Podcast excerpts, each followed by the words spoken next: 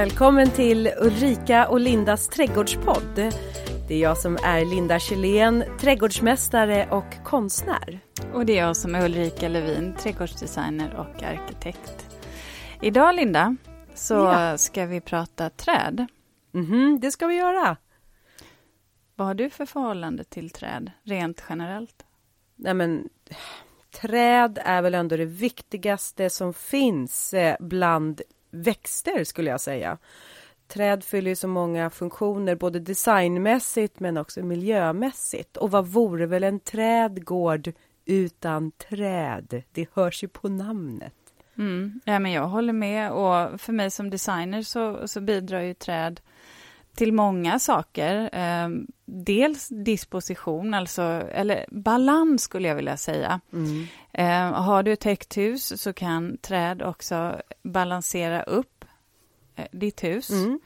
Eh, det ger ju skugga. Man kan väl säga att trädet håller ihop, eh, håller ihop trädgård med huset. Det är liksom den här bron över mellan huset och trädgården.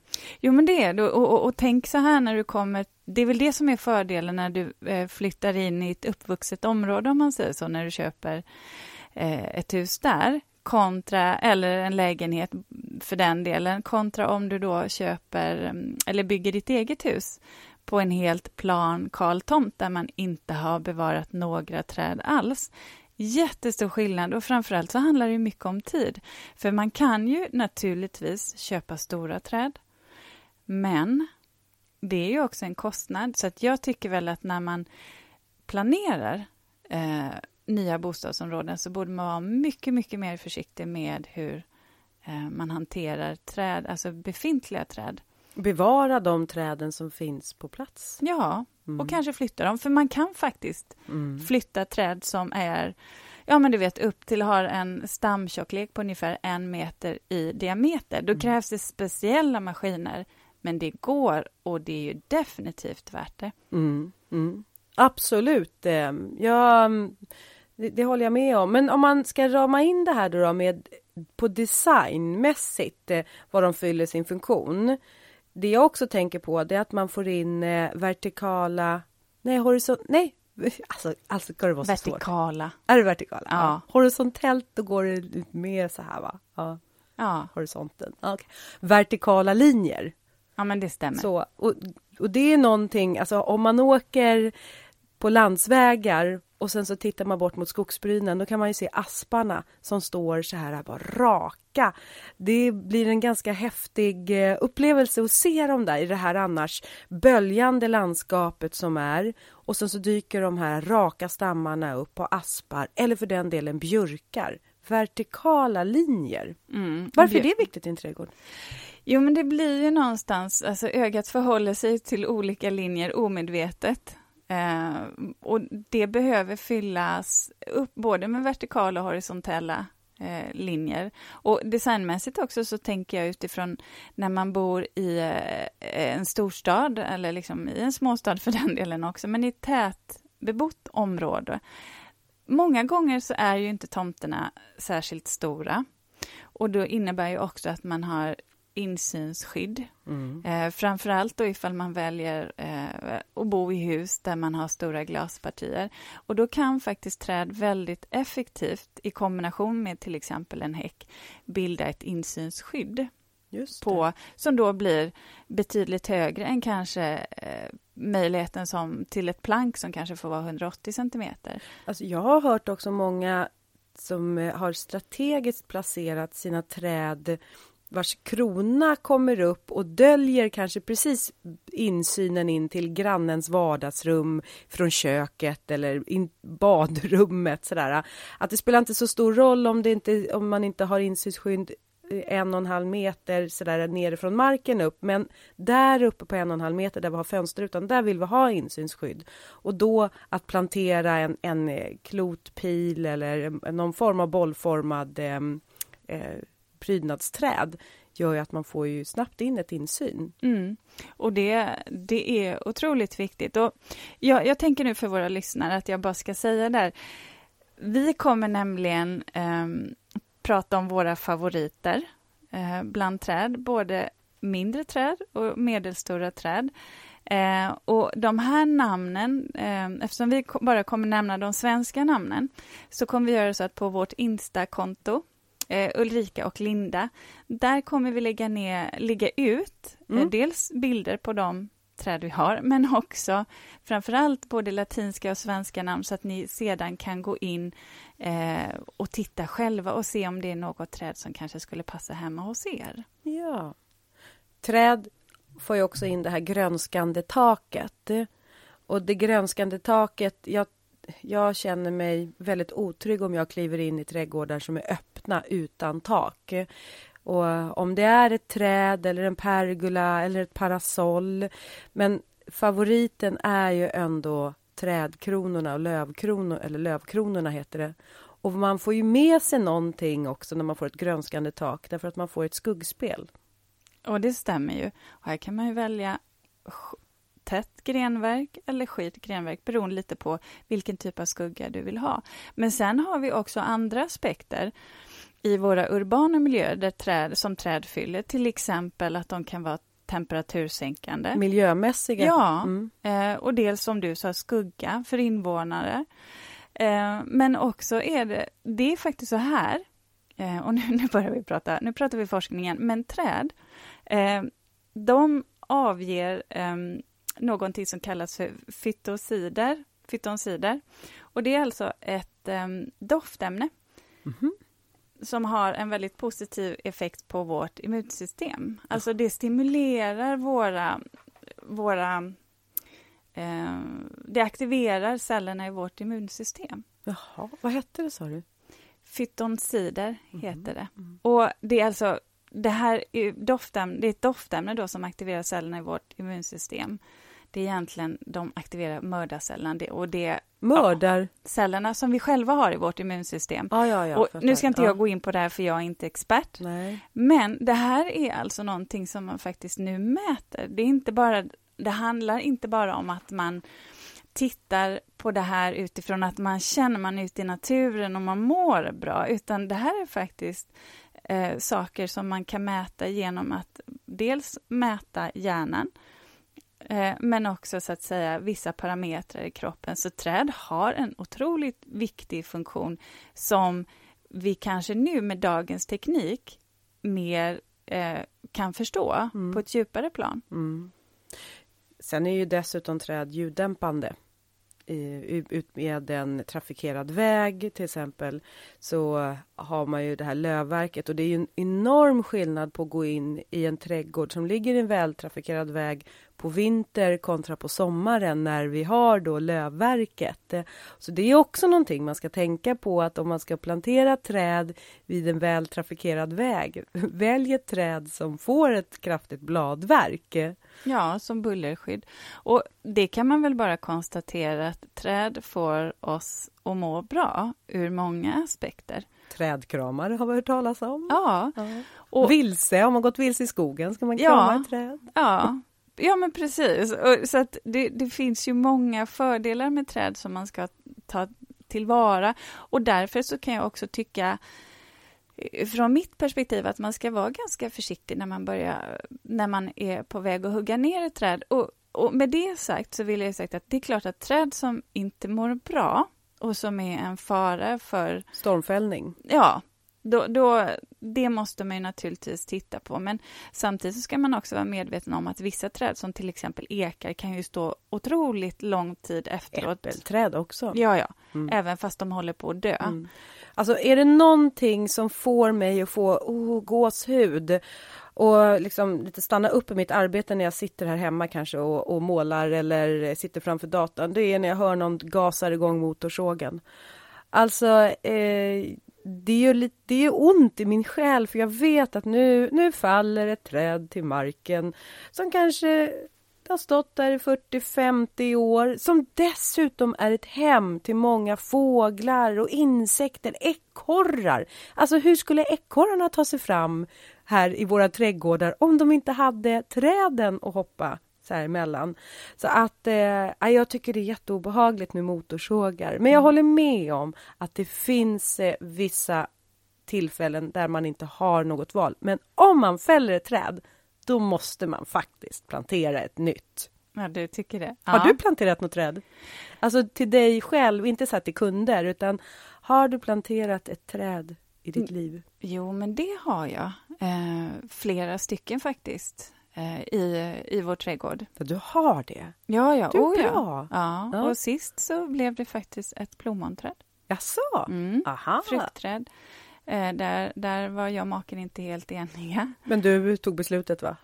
Ja, jag köpte ett. Ja, jag det var väl så det gick till. Sen, sen stod det på plats. Ja, och så ehm. tycker han säkert att det är jättefint. Ja, men det gör ibland, han faktiskt. Alltså ibland så har ju, eh, är det svårt för, det kan jag tänka på min man, han har väldigt svårt för att visualisera sig hur saker och ting ska bli. Och eh, när man jobbar med trädgård, då skulle jag vilja säga att eh, det mesta handlar om att visualisera sig eftersom trädgård tar tid. Plantera ett liten, en liten ymp, alltså en liten kvist eh, på eh, ett, av ett äppelträd och visualisera dig hur det här kommer se ut om hundra år. Det Ja, och det tänker jag ofta på. Och det här när det gäller, när du nämnde plantering så ska jag bara kort nämna nu att vi kommer komma tillbaka till det här för att det finns många konkreta tips som jag känner att vi ska dela med oss av till våra lyssnare. Men Hur just, man planterar, ja. ja mm. Jag måste bara berätta när det gäller tid mm. om ett projekt som, som jag gjorde i början av min karriär. Då var jag ute på Fåne slott som ligger i Västerås kommun där. Och eh, det som var så häftigt, då fick jag följa med eh, och så gick vi igenom en allé som anlades invid barock eh, trädgården, barockparken. En ekallé som alltså är från 1600-talet. Oh, och du vet, alltså, de grenarna... Ja. Historiens vingslag. Ja, men det var verkligen så. Dem. Du, ja. du, tog ju på någonting som var där, levande. Ja. Och grenarna var lika tjocka som stammar och de eh, liksom hängde ut över den här gången som vi gick på grä, av gräs och jag bara tänkte här måste man ju ha gått eller ridit och de, ah. använder det för att jaga naturligtvis. Men det var, det var verkligen den där känslan som jag upplevde. Oj!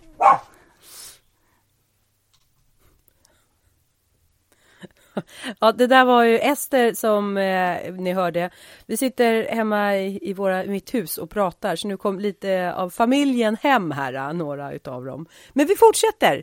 Vi pratade om historiens vingslag i gamla träd. Exakt. Vad har du för relation till träd? Jag berättade ju precis om Fånens slott där när vi köpte det här huset som vi sitter i idag så tillkom det också ett träd i husköpet och jag kan nästan säga att det är faktiskt en bidragande orsak till att vi köpte det här huset. Och det är ett flera, alltså det 120-åriga äppelträdet Åkerö som står här ute i trädgården med eh, om det är fem grenar som sträcker sig upp mot himlen. Och det är så det är stort och um, det ger en massa goda äpplen, de godaste äpplen man kan tänka sig, Åkeröäpplet. Och de ger ju skörd först efter 20 år, är Åkeröäppelträd. Och jag är så tacksam den person som planterade det här trädet för 120 år, som jag får njuta av idag. Och det är väl det som gör att det är så viktigt att man hela tiden planterar nya träd för återväxtens skull. Och det finns ett sånt här äh, roligt, eller ett fint ordspråk att bäst tid att plantera ett träd, det var för 50 år sedan. Mm, det är klokt. Men näst bäst tid, det är idag. Ja, ja. och återigen, man kan ju flytta gamla träd.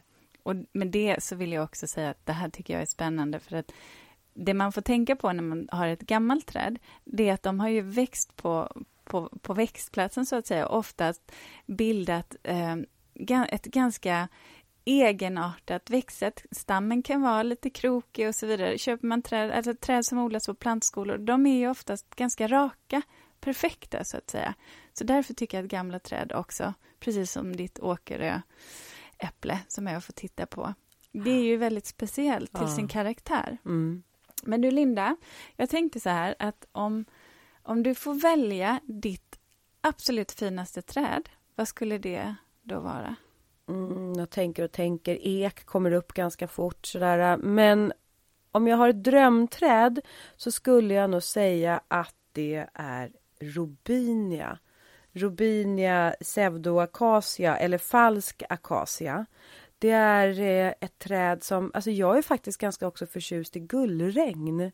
De är jättegiftiga, men jag gillar de här, det här är ju baljväxter, de här träden. Och jag gillar de här klasarna som liksom de får som blommor som bara hänger ner. Det är någonting i formspråket i det här hängande.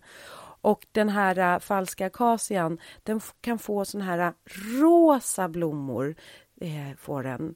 Och eh, Ja, men det är som blåregn, det är en, det är en klätterväxt. Den är också så här otroligt läcker. Men det jag skulle säga att det är den här akacian. Och det är ett ganska stort träd, men eftersom jag har det som ett drömträd så tror jag att så länge jag bor här i Stockholmstrakten så kommer det förbli ett drömträd, för den är inte riktigt härdig. Sen vet jag att om man tittar ner i södra Europa, då kan man ha problem med akacior, att de är som Alltså de sprider sig lätt både med frö och rotsystem. Men om man nu bara får så här fantasifullt önska sig ett drömträd så är det ändå den här Robinian pseudoacacian, falsk akacia. Du då? Du måste också ha ett drömträd. Jo, men det har jag. Och det är väl också eh, då måste man nästan bo i södra Sverige, för att jag tycker att näsduksträd, eller duvträd, är bland det finaste som finns. Och det är också ett hyfsat stort träd, vill säga 12-15 meter Aha. höga. Eh, ett medelstort träd kanske jag skulle kalla det. Men det som är så speciellt är att deras högblad är som, det blir som vita hängande näsdukar. Därav namnet? Ja. Eh, så jag tycker de är fantastiskt vackra. De blommar på våren under en, alltså inte allt för lång tid. Eller, alltså jag, jag vet knappt om jag upplevt ett blommande näsduksträd. Just därför för att jag kanske inte har varit då nere i södra Sverige. Ja, precis. Under det är den oftast, tiden. Ja, men det stämmer ju, för man hinner inte se dem. Det är Nej. inte då man har semester själv. Men jag tycker de är så vansinnigt vackra. Och nu ljög jag, hörde jag. De blir inte 12 till 15 meter Nähe. höga. Nähe. Ungefär 6 till 10 och kanske okay, 10 meter ja. höga. Ja, ja, men, men det jag skulle säga, för när jag sneglade lite snabbt på mina anteckningar och jag bara insåg att det är bra om man sätter på sig sina glasögon. Ja, var därför du tog på dig glasögonen? Eh, så, så är det så att säga, de börjar inte blomma förrän de har nått, uppnått en ålder av ungefär 12 till 15 år. Och det, ju, det, måste man ju tänka på. Än en gång det där med tiden. Ja, och då när det gäller sådana träd, likadant om man skulle köpa en Magnolia cobus till exempel, som också blommar när den har några år på nacken, då kanske man ska satsa på ett litet större träd redan från början faktiskt. Så att man eh, får, inte behöver vänta så länge på att eh, få den, njuta av den där blomningen. För det är ju så fantastiskt den här tiden på året också när vi har så många träd som ju också eh, faktiskt eh, har vackra blommor. Ja, sen är det ju tyvärr så, det beror ju på vad man, vad man, vad man menar med blomning naturligtvis. Vissa har ju det som jag tänker på, en ganska överdådig blomning som prydnadskörsbär, eller vi pratade ju magnolia och så vidare, och du pratade din robinia.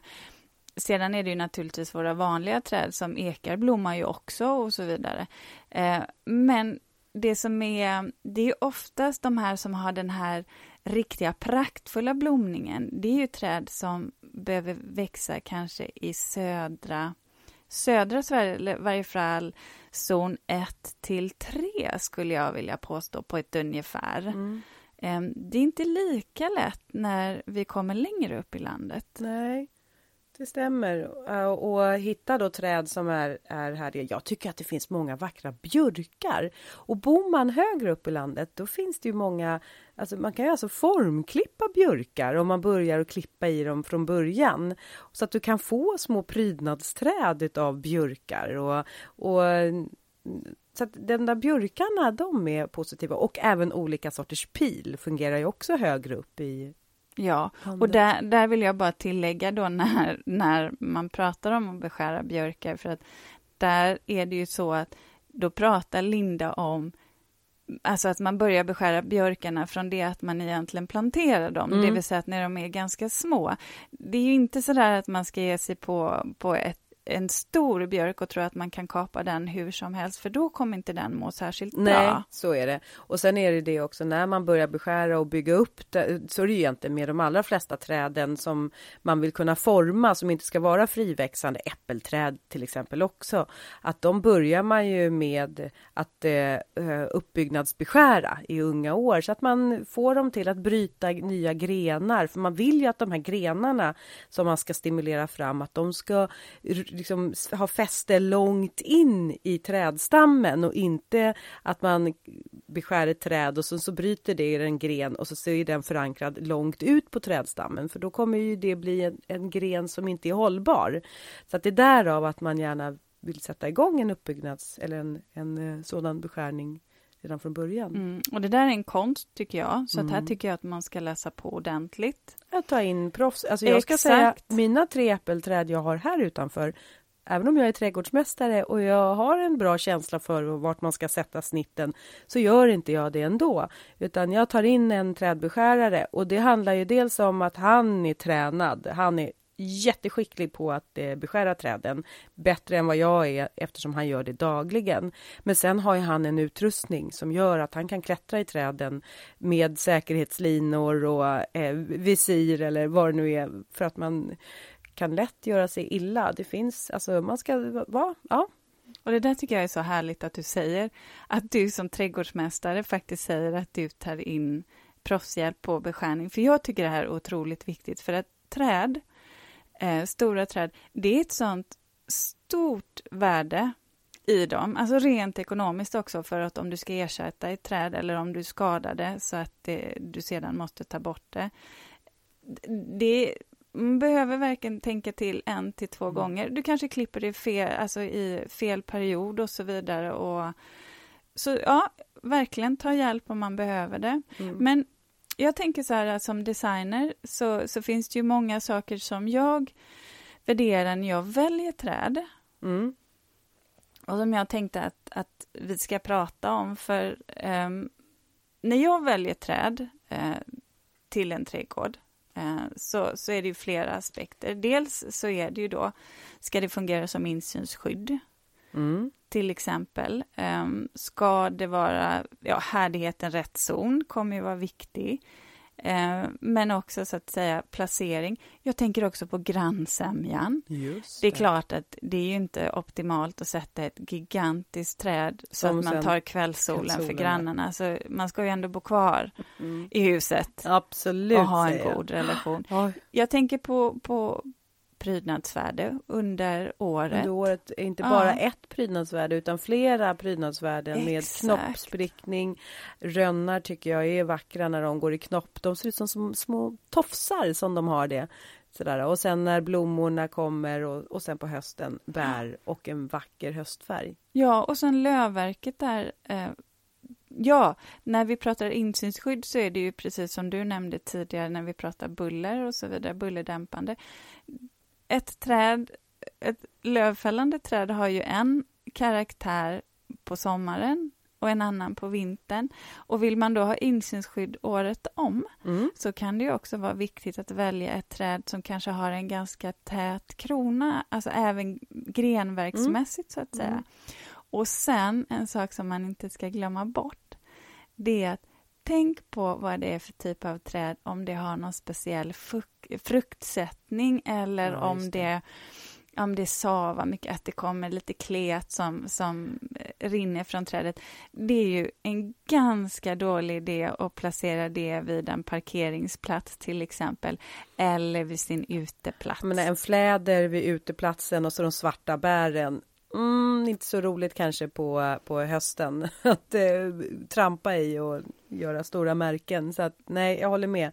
Det där är också en aspekt i det, att eh, tänka på det. Verkligen. Men du nämnde ju rönn mm. där. Ja. Eh, och jag vet ju att det här är ett av dina favoritträd. Kan inte du berätta varför du är så förtjust i dem? Men jag gillar rönn därför att de är naturliga, finns naturliga här i våran svenska fauna, finns de. Och man kan få dem till att vara ett stamträd, men du kan också få en rönn som är mera av en buske med flera grenar från basen. Och sen så som sagt det här skönhetsvärdet som de har, många skönhetsvärdena som de har. Och sen så har jag själv då, det det trädet som jag har planterat här hemma i trädgården. Det är just en eh, rönn som heter rosmarie. Ja, men den är speciell för mm. den har ju otroligt vackra bär. Den har aprikosa bär, alltså de är lite så här äh, pastellaprikosa och inte den här äh, liksom, lite skrikiga orangea, röda utan mer åt det pastelliga hållet. Ja, nästan. De kan nästan dra lite åt rosa ibland, ja. upplever du inte det? Jo, lite, det lite. Ja. Och jag håller med. För det, det, det som jag har lite svårt just när det gäller rönnar, det är faktiskt de sorterna som har den här riktigt orangea höstfärgen som ja. jag tycker skär sig lite mot bladverket som annars är väldigt vackert. Sen är det för min del när jag håller på, jag är ju Alltså jag, ni hörde ju min lilla Ester skälla till här va? Ja, det är ett av mina djur. Sen har jag andra djur, jag har både katter och, och hästar. Men min trädgård är ju också en plats för alla djur. Fåglarna och ekorrarna. Och på hösten, då är ju de här bären är ju mat såklart åt koltrastar, domherrar. Så att jag, jag blir jättelycklig när de kommer här och, och sätter sig och äter utav mina, mina bär på träden. Så att det finns ju också ett värde i dem. Jag, jag vill se till att de får mat helt enkelt. Och just den rosmarie tycker jag är ett bra tips faktiskt för de som bor lite längre norröver. Mm. För, för eh, rönnar är ju ändå så att eh, för så, upp till zon 5 klarar ju rosmarie. Ja. Eh, och sedan så är det ju så att rönnar kräver ju ibland lite svalare temperaturer. De är ju egentligen inte optimala på en uteplats, vid en uteplats som blir väldigt varm, för då mår inte de så himla bra. Det är sant. Astrid E tycker jag är jättefin också, mm, till mm. exempel. Carmencita. Och, har du ett mönster nu? Rosmarie, Astrid, Carmencita, min vän. Ja, ja. men jag men, ja, Evert Taube? Ja, ja, det var det. Ja, ja. Jo, det är så här att eh, rönnarna, de här som är odlade nu som framtagna, de har fått namn utav just Evert Taubes eh, visor, eller kvinnor i hans visor. Så att det är lite kul om man nu bor nere i Bohuslän och man vill ha ett träd som passar ihop med, visst, visst kom väl han, han höll väl till nere i Bohuslän va? Ja, men var fick jag det ifrån?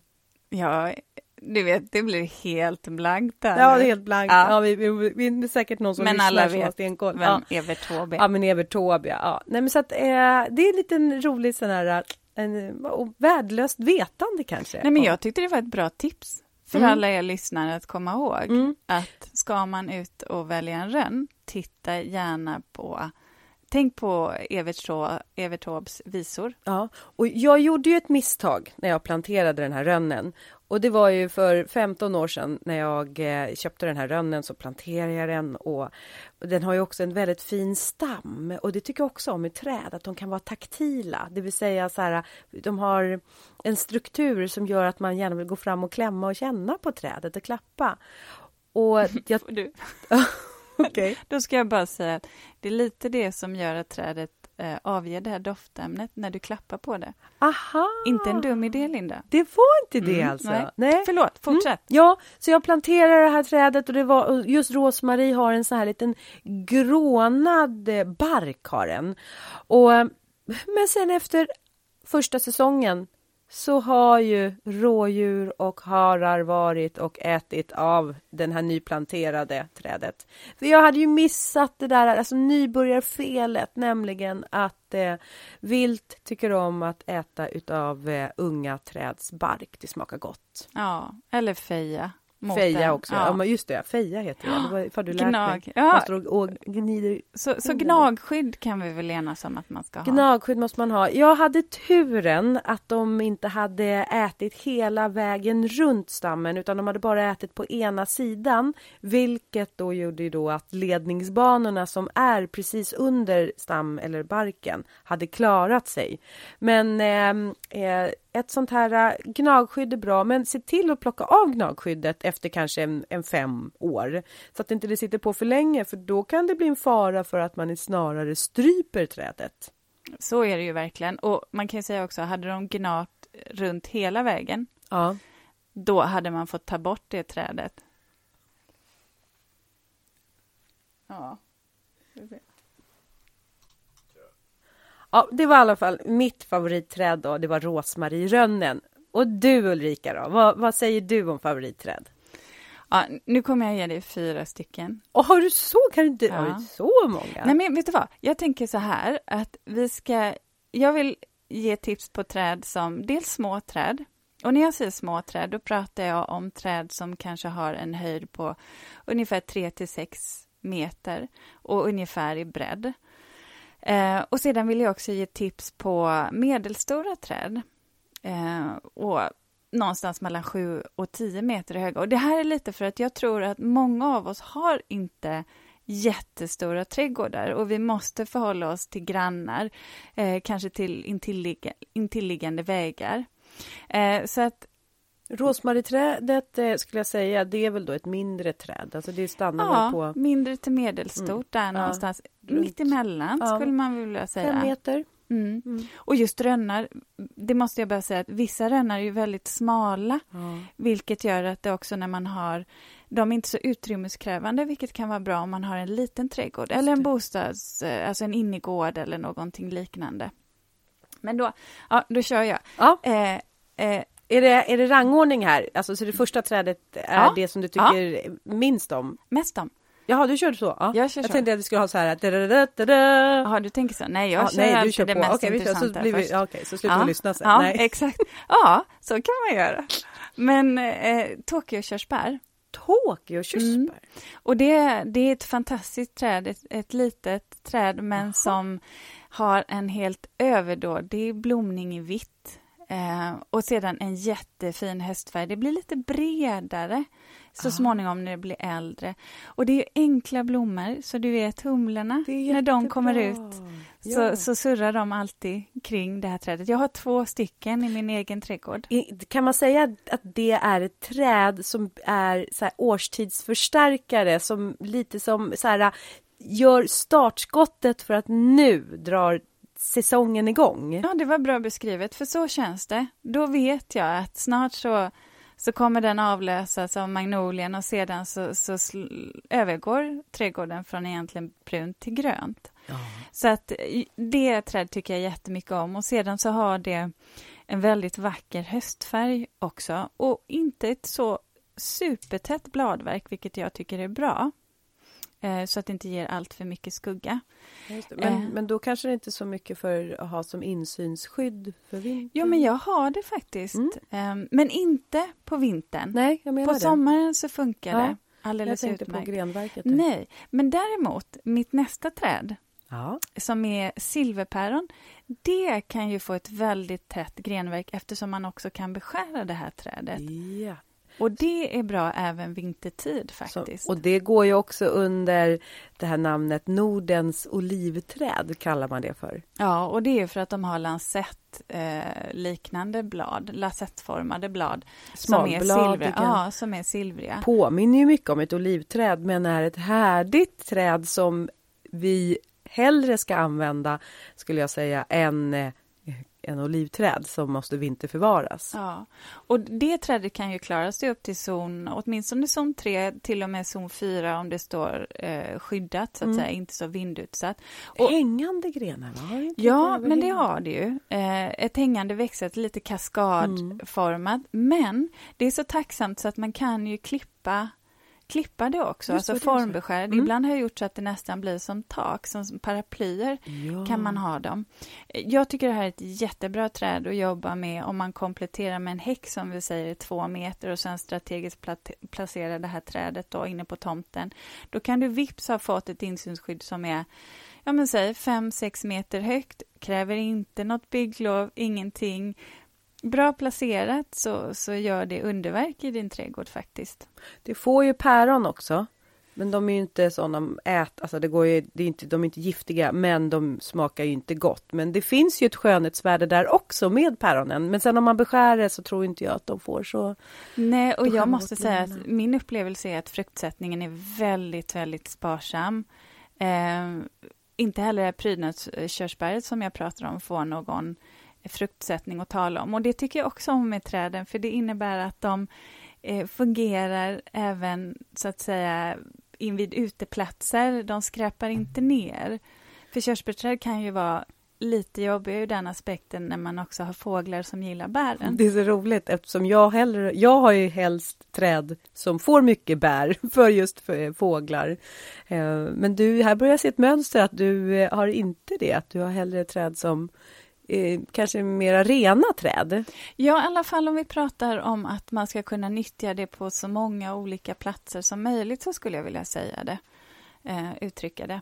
Och kommer man sedan till eh, till de medelstora stora träden, för det här prydnadskörsbäret, det kan ju inte växa så långt norröver, men ett som kan det, som är lite större, det är ju faktiskt vårt bergskörsbär. Aha. Och de blir ju ja, fantastiska. de är ju fina. Mm, rosa blomning, ah. ett bladutspring som nästan är lite kopparfärgat. Ah. Oh, ja. ja. men sedan övergår i, i matt grönt. Och, och, har du sett höstfärgen på ett bergskörsbär? Ja, ja, ja. Alltså det är, ja det, det, blir ju en grand final blir det på säsongen utav det. Ja, det brinner. Ja. Det bara brinner exploderar i vad ska man säga, nästan eh, ja, intensivt orange-röd färg. Och, och där kan jag ju tycka att då är ju den höstfärgen magisk mm. när mm. alla andra träd byter färg. Och det här byter färg ganska tidigt faktiskt. Mm. Kanske blir ja, det, runt 8-10 meter blir det. Så det kräver ändå sin plats, så att säga. Man måste ha lite yta. Men sedan så har jag också eh, Ja, Katsuran. Aha! Vet du vad jag säger då? Nej. Pepparkaksträdet. Ja! Ja, det, eller det doftar i alla fall, kan dofta nybakat eh, om ja, det. precis när de ska fälla sina löv. Ja. Så att de doftar ju inte hela säsongen igenom. Det upplever inte jag i alla fall, men just där fram på höstkanten. Och de har ju väldigt runda blad. Ja, har du tänkt är, på det? Ja, jag tycker de är, är väldigt... De ser... Eh, ja, men de är de har en egenhet, alltså de har en egen form måste man ändå ge katsuran. Som du säger, de här runda bladen och som är ganska släta också eh, är de och som också får en fantastisk höstfärg. Mm. Men det jag bara vill säga då, som jag tycker är viktigt, det är att man ska välja en sort, tycker jag, som heter Göteborg E. Och det beror på att det är en väldigt tålig, härdig planta som har tagits fram i... Ja, frökällan är egentligen från den botaniska trädgården i Göteborg, va? Ja, det, det, ja jag ska ja. inte... Men, ja. eh, och, för det är nämligen så här att eh, katsur kan drabbas av skador, alltså tidig vårfrost till exempel. Det kan även e-plantan göra, eh, men den är mycket, mycket härdigare. Eh, och Linda, e-plantor, kan inte du bara beskriva väldigt kort, vad innebär det? Jag skulle just säga det att jag tror att vi måste reda ut begreppen vad e betyder. Det är alltså elitplantor och det står ju för att det här är eh, växter som, eller plantor som är framtagna i kontrollerad form där man är säker på liksom frökällan och eh, att de är av, liksom, de har inga eh, egentligen sjukdomar med sig som eh, alltså olika svampsjukdomar eller sådär. De är, de är av ett bra växtmaterial, kontrollerat växtmaterial. Det är dock inte samma sak som ett ekologiskt eh, eh träd eller att man har odlat ekologiskt. Det är något helt annat. Men det här är elitplanta och det är alltså någonting som säger att det här är uh, framtaget under uh, uh, under um, former som är kontrollerade. Mm.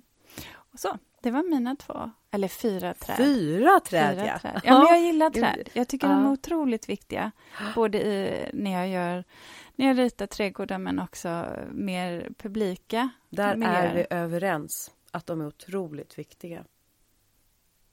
Men du, jag brukar fundera på sånt där som till exempel om man själv var ett träd.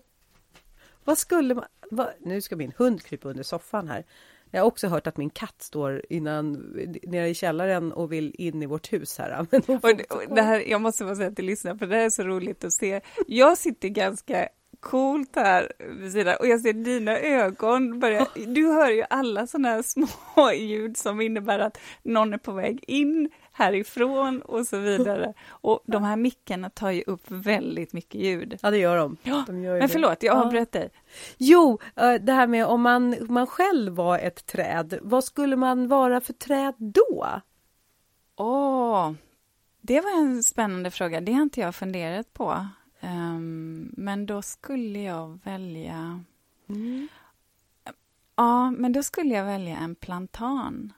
Plantanus hispanica. Jaha, de har ganska vackra bark, det är en vacker bark tänker jag. Den är som så här kamouflagefärgad. Ja, det, och det är därför jag tycker om dem. Och sen är de väldigt lummiga. De har stora, nästan lönnlika löv ja. som sitter väldigt, väldigt länge. Men vad är det eh. hos dem då som du känner igen dig? Vad är det för personlighet som de har som du känner, aha, det här är lite min personlighet? Ja, men de, de, de är ganska eh, ståtliga högväxta. Jag är ju lång. okay. och du är det. ståtlig. Ja, ja, så fick vi det sagt, ja. tack. Ja. Men sen så tycker jag också just den här, jag är väldigt förtjust i den här lummigheten, alltså den här vandrande skuggan och, och träd som, som har lite karaktär, som har lite själ nästan. Mm. Det mm. gillar jag hos plantanen. Sen är det väl på gränsen att de klarar eh, Stockholmsområdet. Där. Jag tänkte säga, det är ju ett stadsträd. Är du en stadsbo? Ja, men det är jag. Ja. Ja, eh, ja det är Även om jag älskar naturen så... Så drar du in till stan ändå? Ja, ja. ja i mångt och mycket. Men du då, Linda? Nej, men jag, jag är en silverpil. Aha. Ja, därför att jag är... Men pil växer fort. Och de är ganska snabba så här. Och det är jag också. Jag är kvick liksom. Jag har inget tålamod. Det ska gå undan här nu. nu så. Eh, så där känner jag med pilen. Men pilen är också väldigt flexibel och den följer med vindens rörelser och sådär. Och det är jag också. Jag är väldigt flexibel. Och sen så skulle jag väl också säga att den är väldigt duktig på att eh, även om någon försöker trycka ner en och så här, man är där och försöker klippa till en och frisera en och kapa ner. Så då slår man ifrån sig rotskott, så kommer nya. Nej, nej, nej, nej, jag kommer tillbaks igen. Ja. Så den har många sådana här drag som jag tycker att eh, jag känner igen mig själv i. Ja, och, och, kan vara in, invasiv, höll jag på att säga. Men framförallt så är det ju ett karaktärsträd, ja. tycker jag. Jag har ju en dröm om att ha en pil, eh, fontänpil, som har ett sånt där överhängande växtsätt som skapar en grönskande berså. Mm. Du vet, när grenarna... Jag var nere, vi var nere i Italien här eh, för ett par år sedan och då stod det såna här pilar planterade, stod, de var planterade ut med en bäck och sen så hade de då placerat ut utemöbler i de här som rummen som blev i den här lövsalen. Och sen så, det var som gardiner, för när vinden blåste så, så blåste ju de här gardinerna också, men det var ju träd och då bara, ja det där.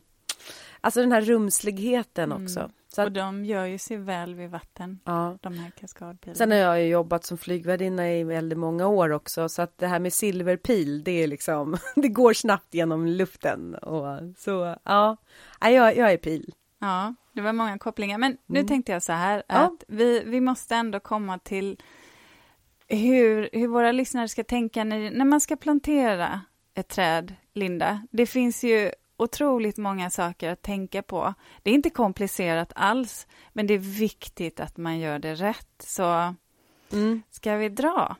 Det tycker jag att vi gör. De här tipsen menar jag, vi ska inte dra från studion.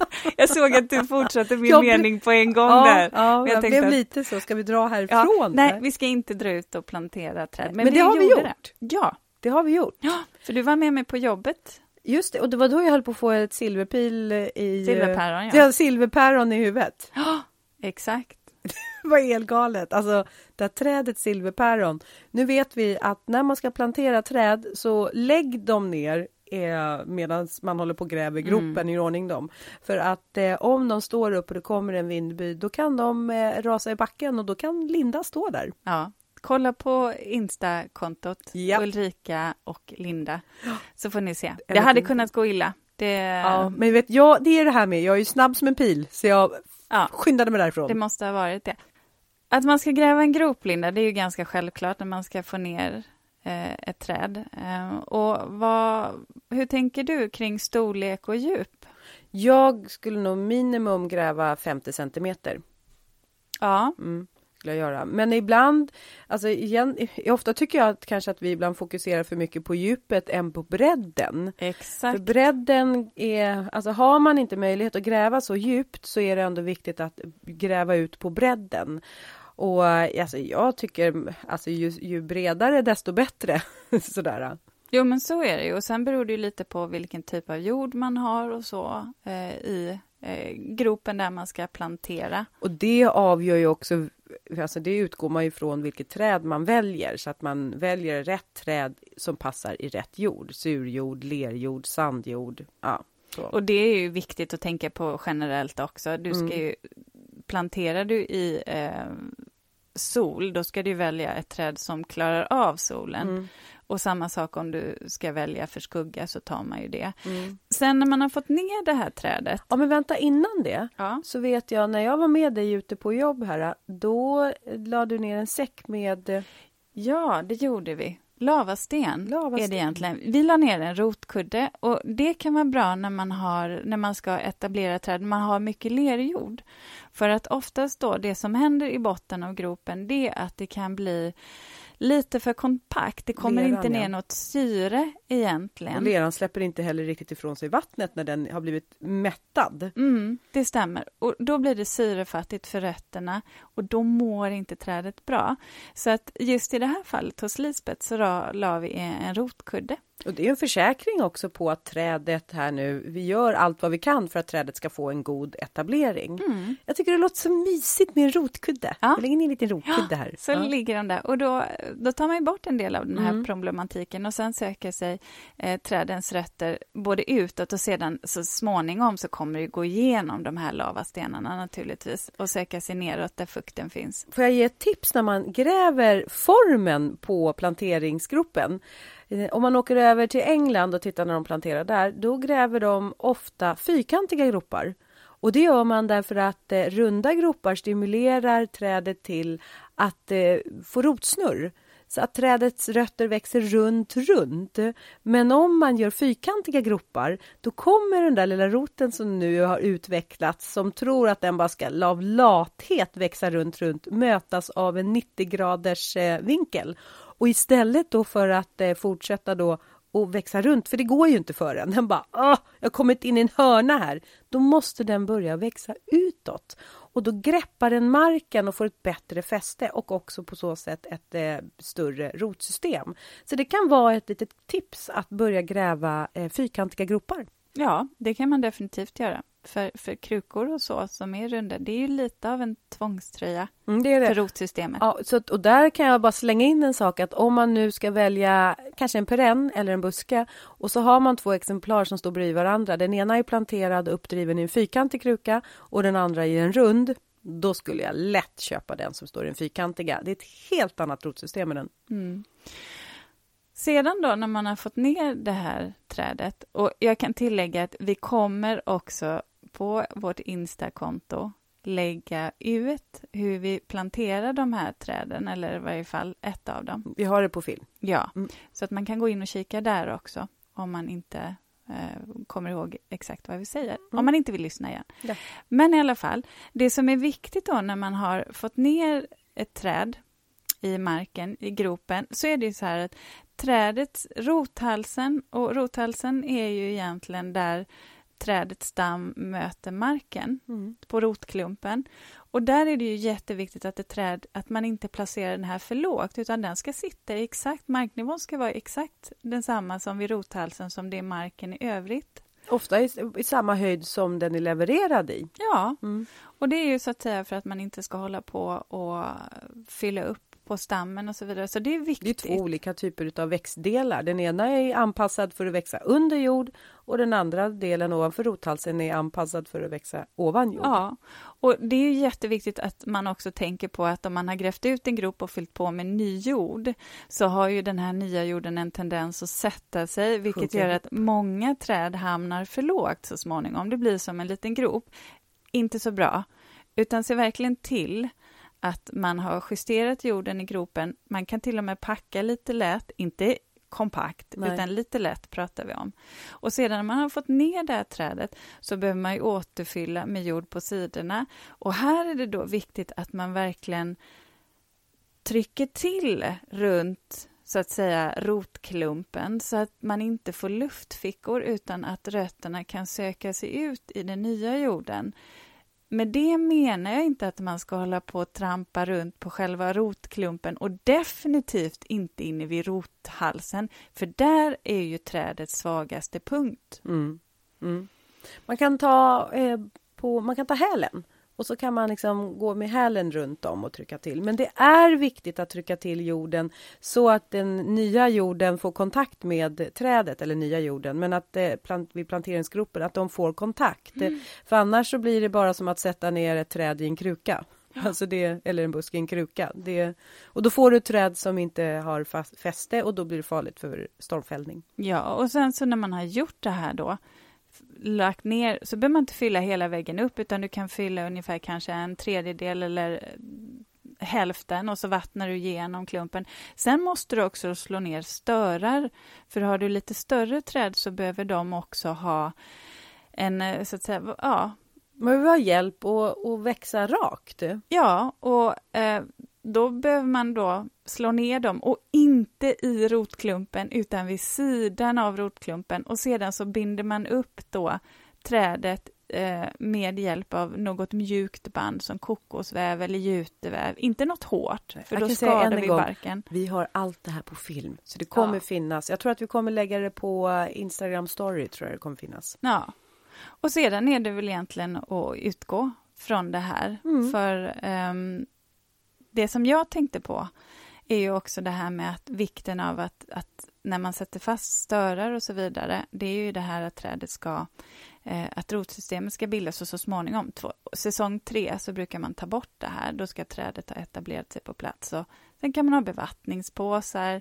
Nej, men du sa det... inte bevattningspåsar när vi var ute, du sa att vi skulle sätta på, vi skulle klä trädet med en kjol. Ja, så är det ju. Ja, och titta på det, för det är väldigt smart att, ha dem, för det ökar också etableringen. Och att man vattnar tillräckligt mycket. Ofta så tror man att man har vattnat jättemycket. Och det har man inte. Jag har en fundering på det där med de här kjolarna, för de är ju gjorda så här anpassade till att man ska fästa dem kring stammen och sen så ska man vattna där i och då fylls de här påsarna med vatten som långsamt sipprar ut till trädet. För det är ju väldigt viktigt de här första ett, två, tre åren att man ser till att trädet har en bra balans, vätskebalans. Och även när man nu inte är hemma, man kanske inte kan ut och vattna varje dag, så har man en långtidsbevattning här i. Men jag har sett på vissa ställen att de sätter de här bevattningspåsarna över störarna. Ja, men det stämmer ju. Vet du varför de gör det? Nej. Det... Ett tag tänkte jag de varit fulla. Ja, ja nej, men jag var faktiskt tvungen att fråga, mm. för jag undrade exakt samma sak. Jag tänkte... jag tänkte det här är ju, ja, nu är det någon som inte har fattat. Men en del har upplevt det här, och det här tror jag framförallt vi pratar om när vi pratar om offentliga ytor, när man inte har tid att vara där och kolla till träden hur ofta som helst, mm. så är det så att eh, rotsystemet är ju ganska mycket större än än liksom in vid stammen och då mm. när man planterar lite större träd så vill man få vatten ut till Okej, okay, finrötterna. Ja. För det är ju egentligen finrötterna är ju de som faktiskt är sug, alltså sugrötterna, är de som suger upp ja. näring och vatten. Ja, och Aha. ibland så är det också för att man kan ha upplevt att om man sätter det in vid stammen att det kan bli lite fuktigt och att det kan komma lite skadedjur ah. också. Eh, jag har inte upplevt det, men det kan säkert bero på vilken typ av träd man också odlar. Mm. Och ibland så väljer man också att sätta på, man kopplar ihop två bevattningspåsar så man får ytterligare lite mer. Och de här bevattningspåsarna, de finns ju också tillgängligt, inte bara för som dig Ulrika när du är ute och planterar offentligt miljö eller eh, sådär, utan de finns ju faktiskt att köpa i trädgårdsbutiker också numera. Ja, till konsument. Jag, ja, och jag tycker det är en, eh, en billig och bra åtgärd att eh, ta till. Så vad har vi pratat om då? Vi har pratat om eh, Eh, rot, alltså 50 centimeters djup, eh, men hellre bredare än djupare. Och sen har vi pratat rotkudde. Och sen har vi pratat eh, störar för att stabilisera trädet. Och sen har vi nu pratat om gnagskyddet, det viktiga. Och sen så här nu så pratar vi om bevattnings kjolen. Ja, och någonting som vi glömde, det var ju faktiskt att tänka på det här att när man planterar, när man har stoppat ner träden i gropen och klippt upp banden och så vidare, ehm, så är det ju jätteviktigt att man faktiskt vrider trädet så att det kommer rätt, för ett träd har en norrsida och en södersida, det vill säga att norrsidan är oftast den som är lite kalare.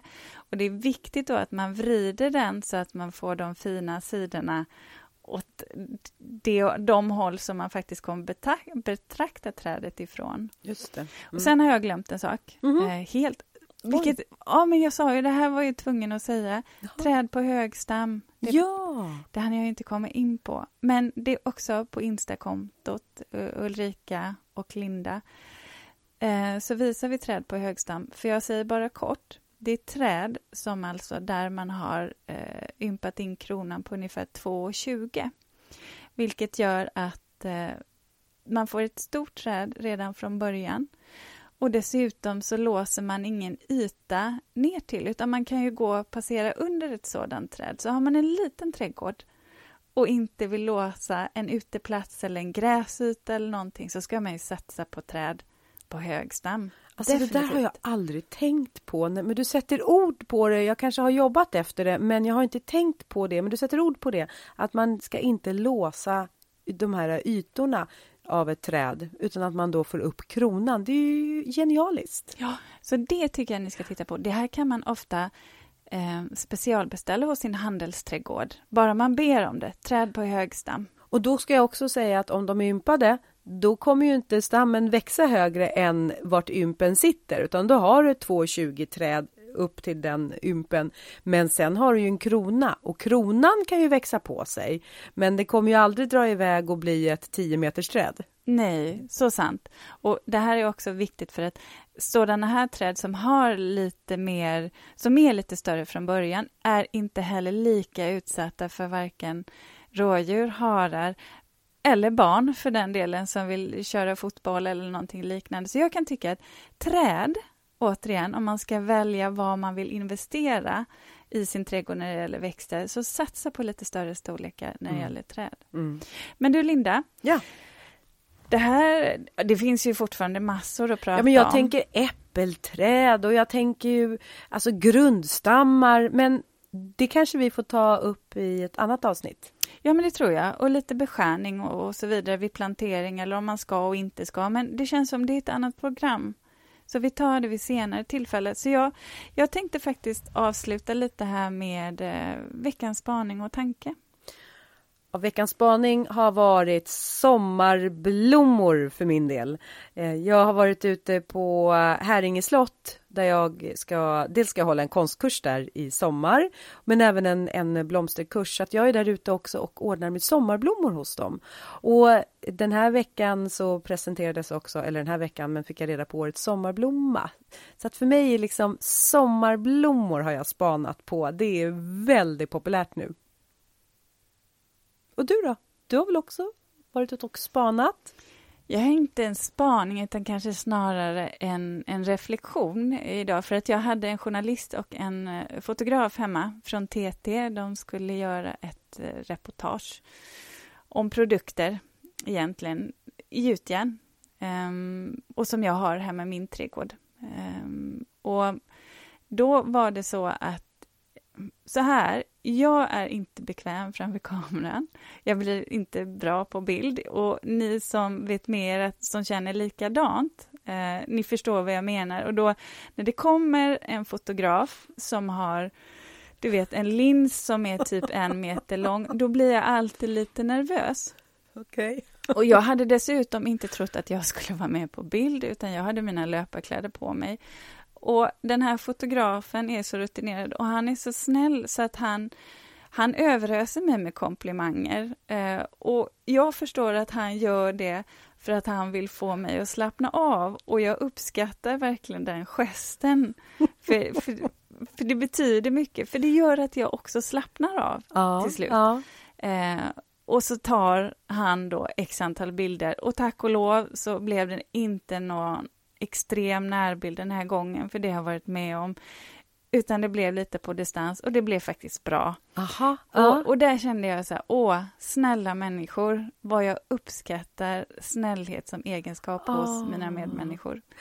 Oh. En tanke. Men du, Linda, eh, nu måste vi runda, men jag oh. tänkte nästa avsnitt, mm. sommarblommor, ska vi inte prata om det då? Jo, det är bara, för mig är det just nu bara sommarblommor som upptar hela min tankevärld och mitt växthus och mitt friland på Överjärva gård. Så att eh, det bestämmer vi. Ja, då gör vi det. Sommarblommor. Tack för att ni har lyssnat. Ja, tack till er.